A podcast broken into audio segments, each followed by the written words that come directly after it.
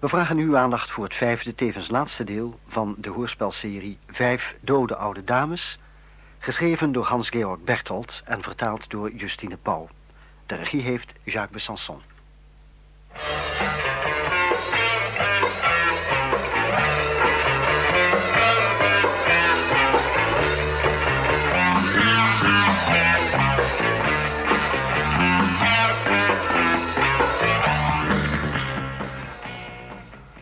Het was negen uur s avonds.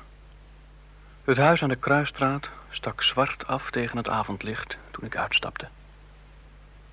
De huizen stonden hier ver van elkaar. Een pad deelde het gazon in tweeën. Een paar lage struiken bewogen licht heen en weer in de zachte wind die net opgestoken was. Het huis leek op een decor van een Engelse detectivefilm. Een erkertoren en glanzende ramen. De poort was niet vergrendeld. Langzaam liep ik over het pad op de statige burg toe. Het was alsof dadelijk de zware deur zou openzwaaien en Sherlock Holmes naar buiten zou komen, compleet met pijp en geruite pet. De juiste omgeving voor ons plan. Toen ik aan de zware bel getrokken had, verscheen Daniel even later op de drempel. Kom in, medicijnman. Je bent hier al aardig thuis. Er is whisky. Hij deed de deur achter me in het slot. Ook de hal zag eruit alsof zo meteen de hertog tevoorschijn zou komen... compleet met bakkenbaarden en de versierselen van de kousenband. Het Engelse huwelijk scheen het een en het ander ingebracht te hebben. En nu ook nog de prijzende lotto. Agnes hoefde maar een advertentie te zetten en had weer een man, ondanks haar 79 jaar. We liepen de geweldige trap op. Kaarsvormige lampen aan de muur gaven net genoeg licht om de volgende tree te kunnen onderscheiden. Boven stonden we weer in een hal, waarop van de andere kant ook een trap uitkwam. Daniel zwaaide een geweldige deur open. Achter in de grote kamer zag ik het genoeglijkste open haardvuur dat ik ooit gezien had. De whiskyfles stond op het kleine rooktafeltje en kreeg door de vlammen een gouden glans. Aan de linkerkant zat Agnes. Ze draaide zich naar ons toe. Ach, dokter Klein, dat u zich ook zoveel moeite getroost. Zo'n ophef alleen vanwege een oude vrouw. Wij halen in wat we verzuimd hebben, mevrouw. Thuis zou hij om deze tijd ook achter de whisky gezeten hebben. Goedenavond, mevrouw Lensum. Trekt u zich maar niet van hem aan. Ik weet niet eens wat whisky is. Erg genoeg. Gaat u zitten, dokter. Mag ik u al een glas inschenken? Graag.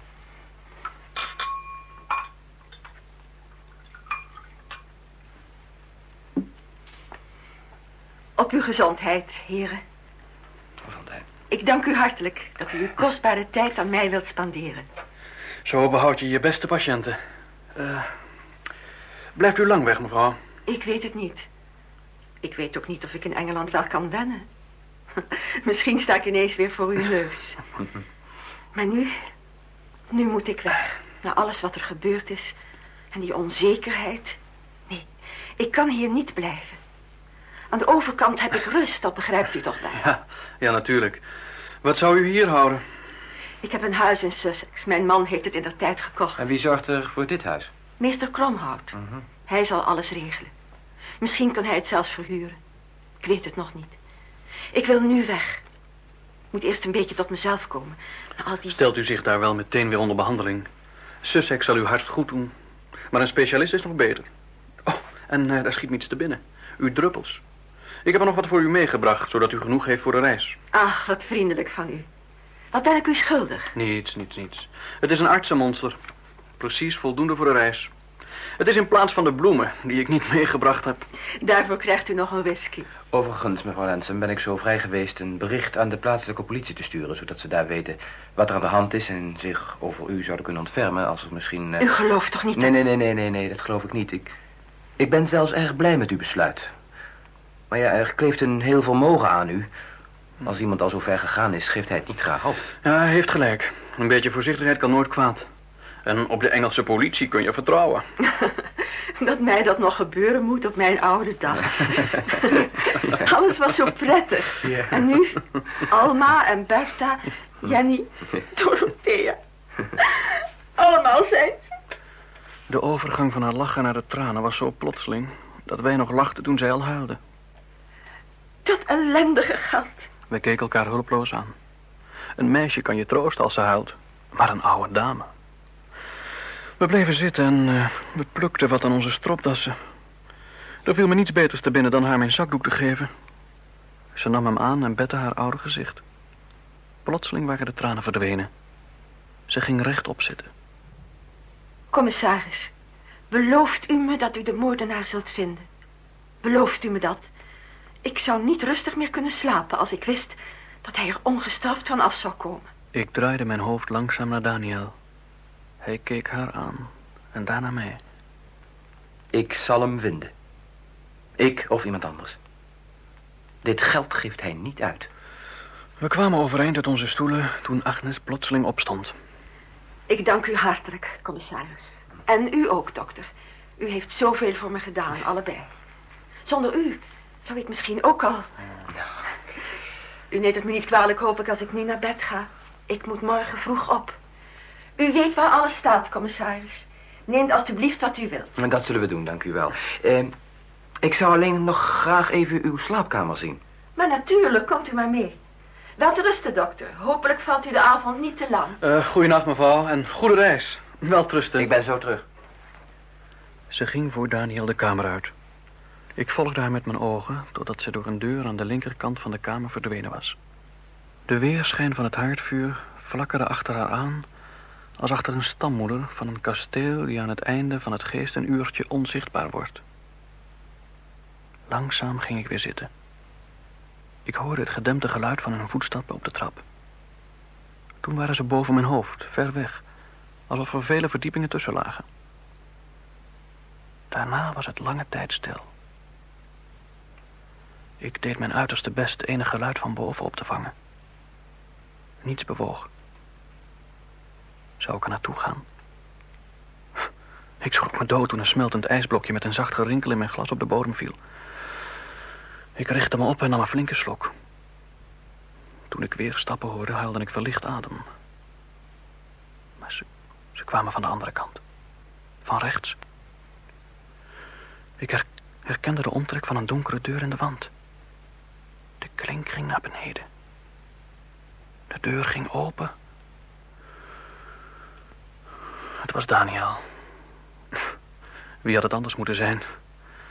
Hij ging zitten en stak een sigaret op. Ja, zo.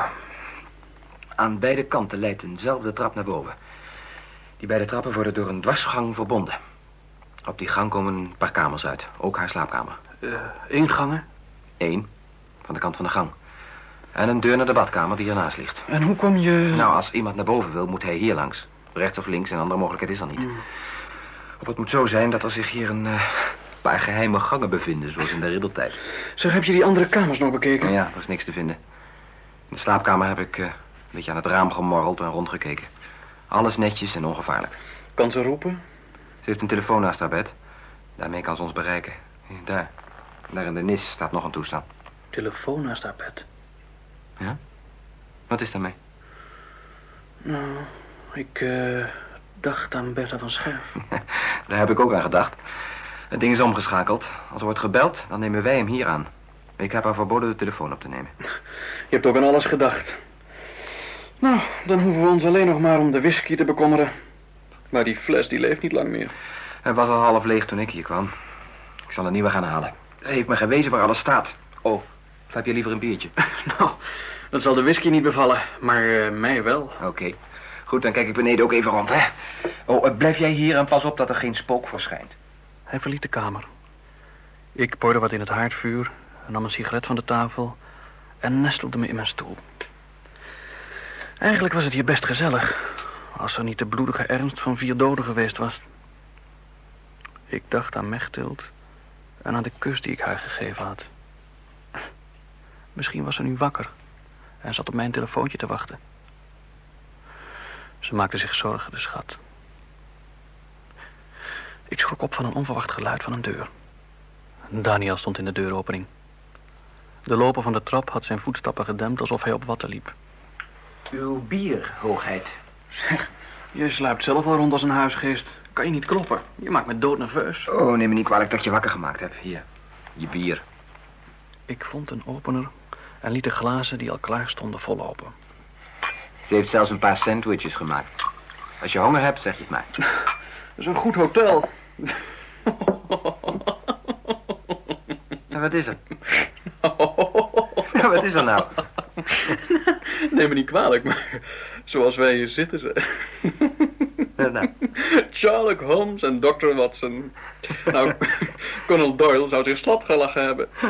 Zeg, heb je beneden nog iets gevonden? nee, niet. Zo stil als een kerkhof. Nou, zeg, hou op met je kerkhof. Hier, drink liever. Deze keer schrokken we ons allebei wezenloos. We hadden het glas nog in de hand, maar dronken niet. De bel weer klonk door het huis. Indringend en hard. We zaten als verstard. We dachten allebei hetzelfde. Daar zou je het hebben. Doe je open? Wat anders? Daniel zette zijn glas geruisloos terug op de tafel. Ik wilde het ook doen, maar vond het zo zonde van het schuim dat ik nog een flinke teug nam. Ik keek Daniel aan. Ik moet weten wie dat is. Ik ga naar beneden. Blijf jij hier boven aan de deur staan. Als er iets gebeurt, doe dan de deur op slot en bel de politie. Zeg Daniel, kan ik niet beter... Doe wat ik je zeg. Het is waanzin om de held uit te hangen. Ik hield de deur op een kier en keek hem na. Hij liep langzaam de trap af, één hand in zijn zak. Toen was hij bij de deur. Hij trok de grendel opzij. Mijn polsslag liep aardig op. Daniel ging achter de rechterdeurhelft staan. Met zijn linkerhand drukte hij de knop naar beneden. Knarsend ging de deur open. In het schijnsel van het buitenlicht stond een gestalte. Klein, donker, met een enorme hoed die met een zwaai afgenomen werd. Ik zag de filosofenschedel en het vale wit van de haarkrans. Goedenavond. Mag ik binnenkomen? Daniel ging in de deuropening staan en nam zijn hand uit zijn zak. Aan u is dat toegestaan, meneer Wiebach. Komt u binnen. Oh, commissaris. Dat had ik kunnen verwachten. U heeft mijn raad toch opgevolgd, zie ik. Zeer lovenswaardig. Ik deed snel de deur dicht en verliet mijn post om de schijn te wekken... alsof ik de hele tijd ongeïnteresseerd voor het vuur gezeten had. De rector trad binnen. Ik wierp een blik in zijn richting en stond op. Kijk, daar is onze dokter. Tres faciunt collegium. Dat doet me genoegen. Ja, drie maken een gezelschap. Hij schudde me vrolijk de hand. en Zijn faunoogjes fonkelden. En er was geen spoor van verrassing in te bekennen. Wat een onverwacht genoegen. Eh, gaat u toch zitten? Een whisky? Mevrouw Lansam heeft me toestemming gegeven. Ja, eigenlijk moest ik op dit uur niet meer drinken. Maar in dit geval kan ik me wel een uitzondering veroorloven. Graag. Terwijl Daniel een glas haalde, wierp ik nog een paar houtblokken op het vuur. De grote ruimte was kil, ondanks de juninacht. Alsof het huis nooit echt warm te krijgen was. We hieven onze glazen. Tijdens de eerste slok besloot ik me over niets meer te verbazen, wat er ook zou gebeuren. Later verbaasde ik me over alles. Voortreffelijk, een vorstelijke drank. Echt Engels. Tja. Heren, ook ik beschouw het als mijn plicht vannacht nog een keer naar dit huis te komen. Mevrouw Lensum slaapt zeker al? Hoe ze- gaat het met haar? Ze is een uur geleden naar bed gegaan. Ze was moe. En ze heeft morgen een lange reis voor de boeg. Heel begrijpelijk, heel begrijpelijk. Ze is niet zo jong meer. Maar met een vliegmachine is het wel te doen. Vliegmachine. Ook zo'n woord uit 1910. Er was er nauwelijks of er bestond tussen ons al een kloof van 50 jaar. Bent u tevreden over haar gezondheid, dokter? Oh, tamelijk. De opwinding was een beetje te veel voor haar hart. Maar nu gaat het wel weer. Ik ben blij dat te horen. En, commissaris, zijn er nog nieuwe ontwikkelingen? Als het niet vermetel is u deze vraag te stellen. Jammer genoeg nog niet. We gaan alle sporen na. Ook als mevrouw Lansam vertrokken is. U heeft gelijk. Wat je niet opgeeft, heb je ook niet verloren, volgens Sheila. Laten we het glas heffen op een spoedige oplossing. Dank u. Laten we het beste ervan hopen. Maar eh, het zal nog wel even duren. De rector draaide zich naar hem toe. Er was een kleine verandering in zijn houding opgetreden. De welwillendheid was verdwenen. Zijn ogen glansden koud en metaalachtig... en het flakkerende haardvuur toverde zeldzame kwaadaardige schaduwen op zijn genomen gezicht. Staat u mij toe dat ik een andere mening ben toegedaan? Ik geloof niet dat het nog lang zal duren. We zullen de oplossing vannacht vinden. Hier, in dit huis. Even was het doodstil. Toen wilde Daniel lachen, maar het lukte hem niet. Het enige wat hij voort kon brengen was een wat schor geluid. Ik ben, eh, ben bang dat ik u niet helemaal begrijp. Vannacht. Vannacht. U bedoelt dat de moordenaar hierheen komt, nu nog, vlak voor haar vertrek. Langzaam schudde de rector zijn hoofd. Zijn haar bewoog licht. Hij komt niet meer. Hij is er al. Het leek alsof een paar koude vingers heel zacht langs mijn ruggengraat streken. En alle boze geesten waren er weer. Daniel? De rector? Wie nog meer? Ik? Opeens was het niet meer gezellig in de kamer. De donkere wanden kwamen op me af en hun geheim met hen. Mijn mond was kurkdroog.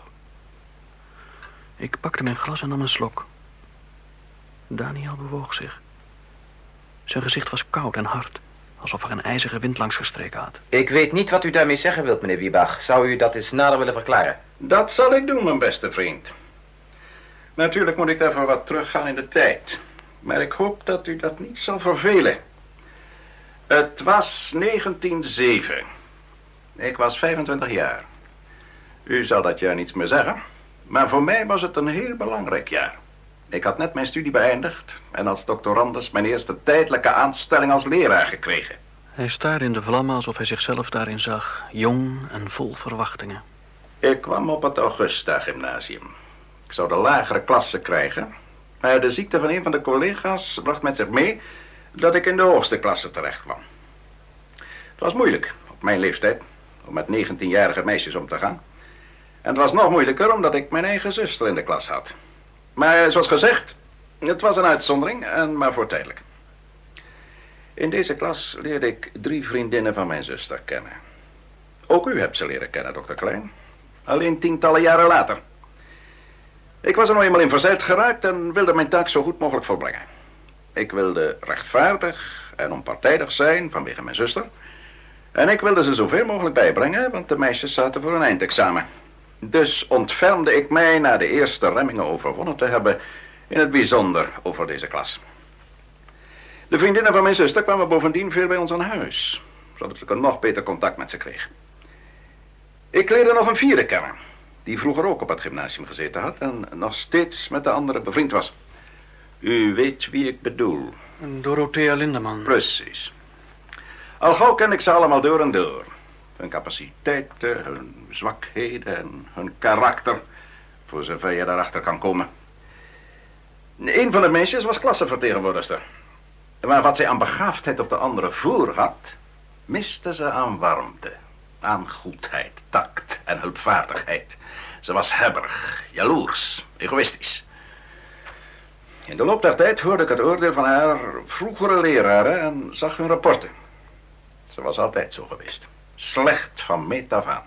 Hij bewoog zijn hoofd met een ruk van Daniel naar mij en doorboorde ons met zijn ogen. Ze is altijd zo gebleven, tot de dag van vandaag. Ik heb geen van de meisjes het oog verloren, want ze bleven contact met mijn zuster houden. Ze is niets veranderd. Zijn gezicht was een van woede vertrokken masker, met starre koude ogen. Met iedere seconde voelde ik het bloed in mijn slapen sneller kloppen. Toen ze dit geld gewonnen hadden en mijn zuster me over de afspraak vertelde, verwachtte ik een ramp. Mijn voorgevoel heeft me niet bedrogen. Deze moorden, mijn heren, zijn door één vrouw gepleegd. Een vrouw wier enige wens was veel geld te bezitten. Haar hele leven lang. Die alles had en toch nooit genoeg. Voor wie het geluk en het leven van anderen niets betekende. En haar alleen maar met afgunst vervulde. Door een vrouw die haar plan, ondanks de vele hindernissen, met een ijskoude berekening en vredesluwheid ten uitvoer bracht, tot ze haar doel bereikt had. Een vrouw zoals ik in mijn hele leven lang nooit meer ontmoet heb. Een vrouw als Agnes Lensen. In de tijd waarin ik zonder adem te halen had zitten luisteren, zou ik het wereldrecord duiken hebben kunnen verbeteren. Pas toen het bloed in mijn slapen dreunde, haalde ik diep adem. Als van heel ver hoorde ik Daniels stem. Hoe heeft ze het gedaan? Hoe? Wat ik daarvan weet is onbelangrijk. Maar ik heb ook over het waarom nagedacht. Ze wilde het geld voor zich alleen. Maar in het begin zag ze niet hoe ze dat klaar moest spelen. Vier mensen waren te veel. Toen stierf mijn zuster. Voor haar een teken uit de hel. Haar eigen zuster was al geruime tijd ziek. Een kaars die bijna opgebrand was. U heeft drie dames in hun rust gestoord, commissaris. Bij mijn zuster was het longontsteking, anders niets. Wat was het bij Jenny Herwig? Het digitalis. En bij mevrouw van Scherf? We vermoeden wat het bij haar geweest kan zijn. Iemand heeft haar midden in de nacht opgebeld en met losse vlotters in de hoorn geschoten. Ze stierf van schrik. Dat is precies haar stijl. Eenvoudig, zonder risico. Als het niet gewerkt had, zou ze wel weer wat anders gevonden hebben. Een week voor jou willen missen bij Kromhout geweest. Zij kan het verhaal in die krant gelezen hebben, net zoals jij. Alleen eerder. Ik dacht aan Kromhouts steriele wachtkamer... en aan het gevoel dat me bekropen had toen ik dat verhaal las. De moordenaar had daar ook gezeten. Net zoals ik. Nu ontbreekt Dorothea Lindeman nog. Met haar was het moeilijker. Ze was kerngezond. Agnes kon wachten, maar niet te lang. Ze wist dat bij Dorothea digitalis niet helpen zou. En ook geen schot in de telefoon. Dit moest anders aangepakt worden. Hij wachtte. Geen van ons zei een woord. Agnes ging op verjaarsbezoek bij Dorothea. Tegen de middag, zoals ze ons verteld heeft. Zo nu en dan placht ze de waarheid te spreken. En sinds vier maanden weet ik bijna altijd wanneer ze van huis gaat. Herinnert u zich mijn telescoop, dokter? Vanuit mijn venster kan ik dit huis zien. Het moet zo gegaan zijn. Ze ging naar Dorothea. Ze kon het rustig riskeren gezien te worden. Dorothea liet haar binnen. Ze moest haast maken en nam snel een besluit. Ze verdoofde haar door een klap op haar slaap. Daarna stootte ze de hoedenpen in haar borst. Alles kan binnen één of twee minuten gebeurd zijn. Ze ging weg, deed de deur dicht. Misschien heeft ze zelfs nog een paar keer gebeld, hard en langdurig. Daarna ging ze naar beneden en vroeg de oude vrouw of er boven iemand thuis was. Ik zag haar weer thuis komen met haar bosbloemen. Ze lag boven ons hoofd en sliep. Zes meter boven ons. Om half drie kwam u, dokter, en vond de dode. Ongeveer om dezelfde tijd ging ik van huis. Ik was er tien minuten over drie. En toen kwam Agnes voor de tweede keer. Ik herinner het me. Ik herinnerde me Dorothea's woorden toen ze bij me was vanwege die keelontsteking. Ze zei dat Agnes tegen vieren zou komen. Maar ze had niet precies gezegd wanneer. Ja, een eenvoudige zaak. Geen mens kon erachter komen dat ze toch in het huis geweest was. Ze droeg handschoenen, kon dus geen vingerafdruk achterlaten. En ze heeft het geluk gehad dat niemand haar gezien heeft. Iemand heeft haar gezien, mijn beste vriend. De papegaai in de slaapkamer. Dokter, weet u nog wat hij geroepen heeft? Nou ja, het, uh, het leek op, uh, op SC. Ja, in ieder geval iets met een I. Ja, iets met een I. Hij riep het nog een keer toen we de kamer verlieten. Agnes had een bijnaam. Weet u hoe de andere haar noemde? Jessie. De meisjes noemden haar zelden bij haar voornaam. Alleen Jessie. De papegaai had het vaak genoeg gehoord. Ze moesten er altijd om lachen als hij het riep. Ik herinnerde me nu weer heel duidelijk wat de rector gedaan had. Hoe hij zich gedragen had toen ik hem bezocht. Hoe hij zich gedragen had bij de dode Dorothea. Zijn meedogenloosheid jegens Agnes. Alles hield verband met elkaar. Hij heeft alles gezien. Hij was de enige ooggetuige. U verdacht er al meteen? U ging naar dokter Leopold om u zich er nogmaals van te vergewissen... of uw zuster ook niet om het leven gebracht zou zijn. Zoals u zegt. Ik wist meteen al dat u niet voor pianoles kwam, dokter Clay. Agnes had me lang verteld dat u bij Jenny de doodsoorzaak had vastgesteld. Mm. En op de begrafenis van Bertha kwam ik erachter dat juffrouw Mechtild uw assistente was. En dat zij u ook bij haar gestorven tante gehaald had. En tenslotte vertelde mijn trouwe leerling Leopold me over uw bezoek. Nu was ik er zeker van dat u dezelfde verdenking koesterde en op de goede weg was. Alma's dood was niet gewelddadig. Maar deed mijn wantrouwen tegen Agnes wel toenemen. Toen Jenny stierf, bestond er voor mij geen twijfel meer. Ik was toen niet eerlijk tegenover u, meneer Wiebach. Dat hindert niets, mijn vriend, dat hindert niets. De zaak was veel te vaag om eerlijk te kunnen zijn. Maar ik was blij een geheime bondgenoot te hebben... die in dezelfde richting dacht als ik. Jammer genoeg heeft het die arme vrouw niet geholpen. Daaraan ben ik ook schuldig. Hij heeft me over zijn verdenkingen verteld nadat mevrouw van Scherf gestorven was. Ik geloofde er niet in. Maar ik zou ook nooit aan mevrouw Lensum gedacht hebben. Weet u wat een geslepen verdediger eruit zou kunnen halen? Zo iemand als Kromhout bijvoorbeeld. Er bestaan nog meer erfgenamen. Uzelf, uw neef en nog anderen. Ik weet het, commissaris, ik weet het. Maar ik weet ook dat ik de moordenaar niet ben. Onze neef is het ook niet. Dat zal zonder moeite te bewijzen zijn. Het kan alleen Agnes zijn. Ik vergis me niet. Morgen wil ze weg, commissaris. Wat is er logischer dan dat? Ze zou best hier kunnen blijven. Ze weet dat er buiten haar geen moordenaar bestaat. Maar ze doet alsof ze vluchten wil. Uit angst. Met 500.000 gulden. Ze kan nog een poosje leven met haar geweten, met haar geld. In Engeland, waar niemand iets van de geschiedenis af weet. Laat u haar gaan? Nee. Daniel dronk niet meer. Het vuur in de haard flakkerde nog licht. Daniels gezicht lag in de schaduw toen hij opgestaan was. Ze moet hier blijven totdat alles is opgelost. En ze gaat mee, nu meteen. Zeg, bedoel je dat je, dat je haar in hechtenis neemt? Ja, natuurlijk. Ik ben een verdomde idioot geweest. Alleen die digitale geschiedenis al is al voldoende bewijs om haar tot een verdachte te maken. Wie kon haar dat spul beter toedienen dan zij? Zij die Jenny altijd met zusterlijke zorg omringd had. Vaak loop je met een blinddoek voor. Meneer Wiebach, bent u bereid uw verhaal te herhalen in haar bijzijn? In haar bijzijn en voor iedere rechtbank van de wereld. Daniel knikte een paar maal langzaam en liep de kamer uit. Zijn stappen verdwenen op de trap. We hoorden boven geen geluid meer. De rector zat onbewegelijk, zijn blik in de dansende vlammen. Digitalis. Dat was het geweest. Met de juiste dosering het beste middel voor het hart dat er bestond. Te veel ervan en het hart verstarde in een dodelijke kramp. Plotseling bevond ik me weer in de kamer bij de gestorven Jenny. Valeriaan en de medicijnlucht. De balkondeur, de bloembakken, de donkere bladplanten. En de roerloze gestalte tussen de hoge kussens, door rozenkrans tussen de vingers geklemd. Het nachtkastje. De herinnering aan mijn droom van die nacht overviel me als een donderslag bij heldere hemel.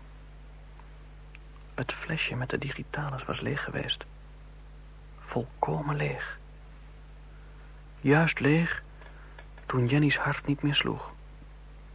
Het zou een toeval kunnen zijn. Het was het niet. De zware ademhaling van Agnes toen ik zei dat Jenny dood was. Haar plotselinge haast me kwijt te raken. Haar kilheid achter het geveinsde verdriet. Hmm. Ik was net zo'n dwaas geweest als Daniel. De deur aan de rechterkant van de kamer ging geruisloos open. Hij kwam binnen alsof ik hem geroepen had. Ze geeft geen antwoord. De deur zit op slot. Hij liep dwars door de kamer naar de nis waar de telefoon stond. We zagen hoe hij de witte knop indrukte en hoorden hem overgaan. Niets. Niemand nam in de kamer boven ons op. Daniel legde de horen neer en draaide zich om. We maken de deur open. Misschien vinden we in de kelder iets. Ik heb een Engelse sleutel in mijn wagen liggen. Dezelfde die ik ook bij Dorothea gebruikt heb. Halen. Terwijl ik opstond, keek ik de rector aan. Hij had zich niet bewogen. Maar nu lag weer dat faunlachje om zijn lippen... alsof hij in zijn eentje een stille triomf vierde. Ik liep vlug het tuinpad af. De buitenlucht deed me goed. Mijn auto stond onder de lantaarn zoals ik hem verlaten had. Ik vond de sleutel binnen enkele seconden en liep terug. In de salon was niets veranderd. Daniel stond nog precies zo en wachtte. En de rector had zich geen millimeter bewogen. Kom mee, naar boven. Ik volgde hem de trap op, als over de laatste meters van een lang, heel lang spoor. De deur was van massief eikenhout. Ik kreeg weer dat vreemde gevoel dat de kop opsteekt als je een situatie al eens eerder beleefd hebt. Dorothea's deur in het stille, zonnige huis. Toen het slot meegaf en de deur langzaam terugweek, bleven we staan. Daniel haalde zwaar adem en veegde met zijn hand over zijn voorhoofd. Voor ons lag de duisternis als een bodemloze vijver. Hij gaf me de sleutel in mijn hand. Daarna ging hij naar binnen. Zijn hand tastte langs de muur naar een lichtschakelaar. Het licht ging aan. Het bed stond precies voor ons. Het was breed, maar sierlijk. Agnes Lensem lag plat op haar rug. Ze leek zo adembenemend veel op haar zuster... dat ik meteen wist wat er aan de hand was... voordat ik een stap had verzet. Ze was dood. We liepen op het bed toe. Daniel aan de rechter en ik aan de linkerkant. Ik voelde haar pols. Niets. Daniel stond voor het nachtkastje. Ik zag hoe hij een stuk papier oppakte. Hij las het. Er was stomme verbazing op zijn gezicht te lezen. Toen gaf je het aan mij. De woorden waren met potlood in een haastig schrift neergeschreven. Walter heeft gelijk. Ik haat hem. Mijn blik ontmoette die van Daniel. We moesten er op dit moment hetzelfde uitgezien hebben. Begrijp jij waarom? Naast ons kuchte iemand. Daniel draaide zich bliksemsnel om. Hij had zijn pistool al in zijn hand voordat hij de deur kon zien. Er was niemand in de kamer. Niemand. Behalve de doden, Daniel en ik. Toen had ik het gevoel of ik bevroor. En, mijn heren, twijfelt u nog aan mijn verhaal? Het was een stem uit de hel. Hij was er niet en sprak toch. Ik voelde fijne, vochtige pareltjes op mijn huid. Daniel hield het pistool op de deur gericht. Toen naderden er lichte voetstappen op de gang. In de deuropening verscheen de rector. Als iemand die ieder probleem kan oplossen. Hij zag ons en het wapen in Daniels hand. Langzaam kwam hij naderbij. Aan het voeteneind van het bed bleef hij staan. Nu ziet ze er weer uit als een hele tijd geleden. Daniel stopte het pistool weer in zijn zak. De rector keek hem aan. U verbaast zich, commissaris. Het raadsel is natuurlijk op te lossen. U heeft me van beneden horen spreken. Ook Agnes kon elk woord wat wij zeiden verstaan. Hier is de luidspreker. Hij kwam naar mijn kant en stak zijn hand achter de bekleding van het hoofdeinde van het bed. Een ronde metalen doos aan twee draden kwam tevoorschijn. De microfoon zit beneden in de klok op de schoorsteen. Er zit er ook een in het kamertje van het dienstmeisje. En in de keuken. Agnes was wantrouwend. Haar slechte geweten dwong haar daartoe. Ze wilde horen wat er in haar huis gezegd werd. Ieder woord. Daarom heeft ze deze installatie laten aanleggen. Niemand wist ervan. En hoe wist u dan... De rector lachte. Al zijn duivelsheid lag in deze lach opgesloten. Een leerling, mijn vrienden. Een van mijn trouwe leerlingen. Hij was uitstekend in de exacte vakken. Hij heeft tegenwoordig een groot elektriciteitsbedrijf. Hij heeft deze installatie vooral aangelegd. Voor een oude leraar heb je geen geheimen. Ik wist dat mijn verhaal moeilijk te bewijzen was. Maar ik wist ook dat ze deze laatste nacht beslist zou luisteren naar wat u beneden besprak. Om erachter te komen of er op de een of andere manier een verdenking jegens haar bestond. Daarom ben ik ook hier gekomen. Ik heb mijn verhaal verteld, luid en duidelijk. U mag me veroordelen. Haar dood is het bewijs dat ons ontbrak. Hij zag het stukje papier dat ik nog steeds in mijn hand hield. Voorzichtig pakte hij het uit mijn vingers. Langzaam ontdooide de ijsklomp in mijn lichaam. Heel langzaam. Daniel draaide zich om. Hij greep naar het nachtkastje. Tussen zijn vingers hield hij twee kleine flesjes. Ze waren allebei leeg. Digitalis druppels. Een van de flesjes was pas nieuw. Het rode papier dat om de dop gezeten had lag op het nachtkastje. Het was het flesje wat ik meegebracht had voor op reis. Op het nachtkastje stond nog een leeg glas met een dunne bruinachtige vloeistof op de bodem. En daarnaast de foto. Groot formaat in een zilveren lijst. Vijf meisjes uit één klas. Vijf graven op één kerkhof. Daniel zette de flesjes terug. Hij pakte langzaam de horen van de telefoon die achteraan op het nachtkastje stond. Hij keek er zwijgend naar. Toen hield hij hem plotseling onder mijn neus. Kijk eens. Ik begreep hem eerst niet. Maar toen zag ik het ook. Het toestel was oud. Een erg groot model met een vergroomde draaischijf. Maar de horen glansde. En er was geen krasje op te bekennen. Nieuw, jouw verhaal klopt. Ze hadden nieuwe horen nodig. De oude was verbrand toen ze erin schoten en... eh, en Bertha vermoordde. Met een snelle beweging trok hij de la van het nachtkastje open. We zagen allemaal de kleine revolver in zijn handpalm. Een aardig glimmend stuk speelgoed. De cilinder klikte zacht toen hij eraan draaide. Na elkaar vielen de lege hulzen eruit. Op één na, die zat klem. Daar kon alleen Agnes op komen. Iemand anders is erop gekomen, maar zij vond het een goed idee. Ik sta bij u in het krijt, Mewiebach. U heeft mijn werk opgeknapt. Bedankt u mij niet. Ik weet nog niet of ik goed gehandeld heb. Maar misschien is het het beste zo. Ze heeft rust. We zijn niet haar rechters. En nu mag ik zeker wel gaan, commissaris. Daniel knikte zonder een woord te zeggen. We volgden de oude man tot de voordeur. Ik hielp hem in zijn jas. Wel te rusten, heren. Wel te rusten. Het wordt weer gauw licht. Bij de deur draaide hij zich om. Hij nam zijn hoed voor ons af. Zijn witte haar lichtte op. Toen verdween hij in het donker, als een dolende spookkoning die door de nacht losgelaten was om zijn wraak te koelen en nu weer door haar opgeslokt werd. Naast elkaar liepen we de trap weer op. In de haard gloeien nog enkele houtblokken. Daniel deed het licht aan. Hij zag er moe uit. Petje af voor die oude rector. Nou, drink je er nog een mee? Zometeen. Ik moet eerst even bellen. Wie? Mechtel? Mhm. Ah. Ga je haar vertellen hoe haar tante gestorven is? nee. Wat dan?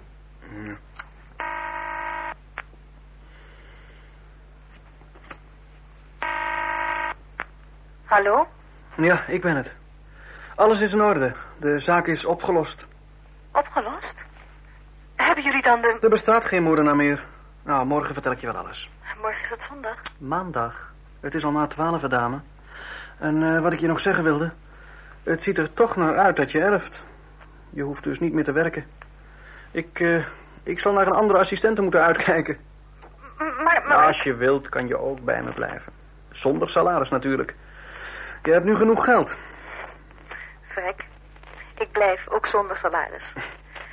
Morgen is toch pas zondag, klopt dat? Ja, tot morgen. Nou, heb ik niet gezegd dat je zo trouw als de laatste oude dame dood was? Inderdaad, meneer de getuige. Kom morgenavond, dan is zij er ook. En, eh... nu mag ik zeker wel naar bed gaan, hè? Dat mag je, de rest werk ik zelf wel af. En ik hield nog wel zo'n mooie verhandeling over digitalis. Nou, ga je toch niks in je hoofd. De jouwe heeft gelijk, het is het beste zo. Voor haar en voor ons. De horoscoop. Uw ingrijpen lost veel problemen op. Alles lukt. Hm. Alleen niet in hartsaangelegenheden. en trouwplannen moet u uitstellen. Je sterren weten er niets van af. Zeg, heb je er iets op tegen, Daniel, als ik die foto meeneem? Huh? Die, eh, die op het nachtkastje stond. Ter herinnering aan, eh, nou ja, alles. Nee, natuurlijk, neem maar mee. Ik ging nog één keer naar boven en nam behoedzaam de foto uit de lijst. Achter vier namen op de achterkant stond een kruis. Ze had niets vergeten. Daarna keek ik haar nog één keer aan. Zo was ze me tegemoet gekomen toen in Jenny's huis. Het haar wit en glanzend en netjes opgestoken.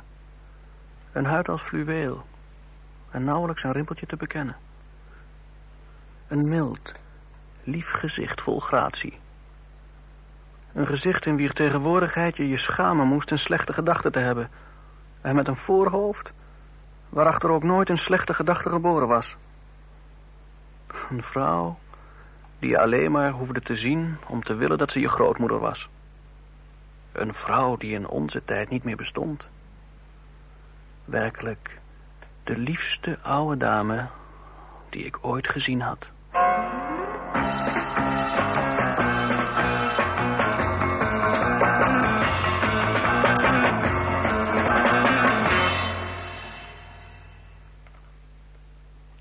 Hiermee eindigde het vijfde, tevens laatste deel van de hoorspelserie Vijf dode oude dames, geschreven door Hans-Georg Berthold en vertaald door Justine Pauw. De acteurs waren Guus Hoes, Jeanne Verstraeten, Johan Schmitz, Hein Boele en Maria Lindes. De regie had Jacques Besançon.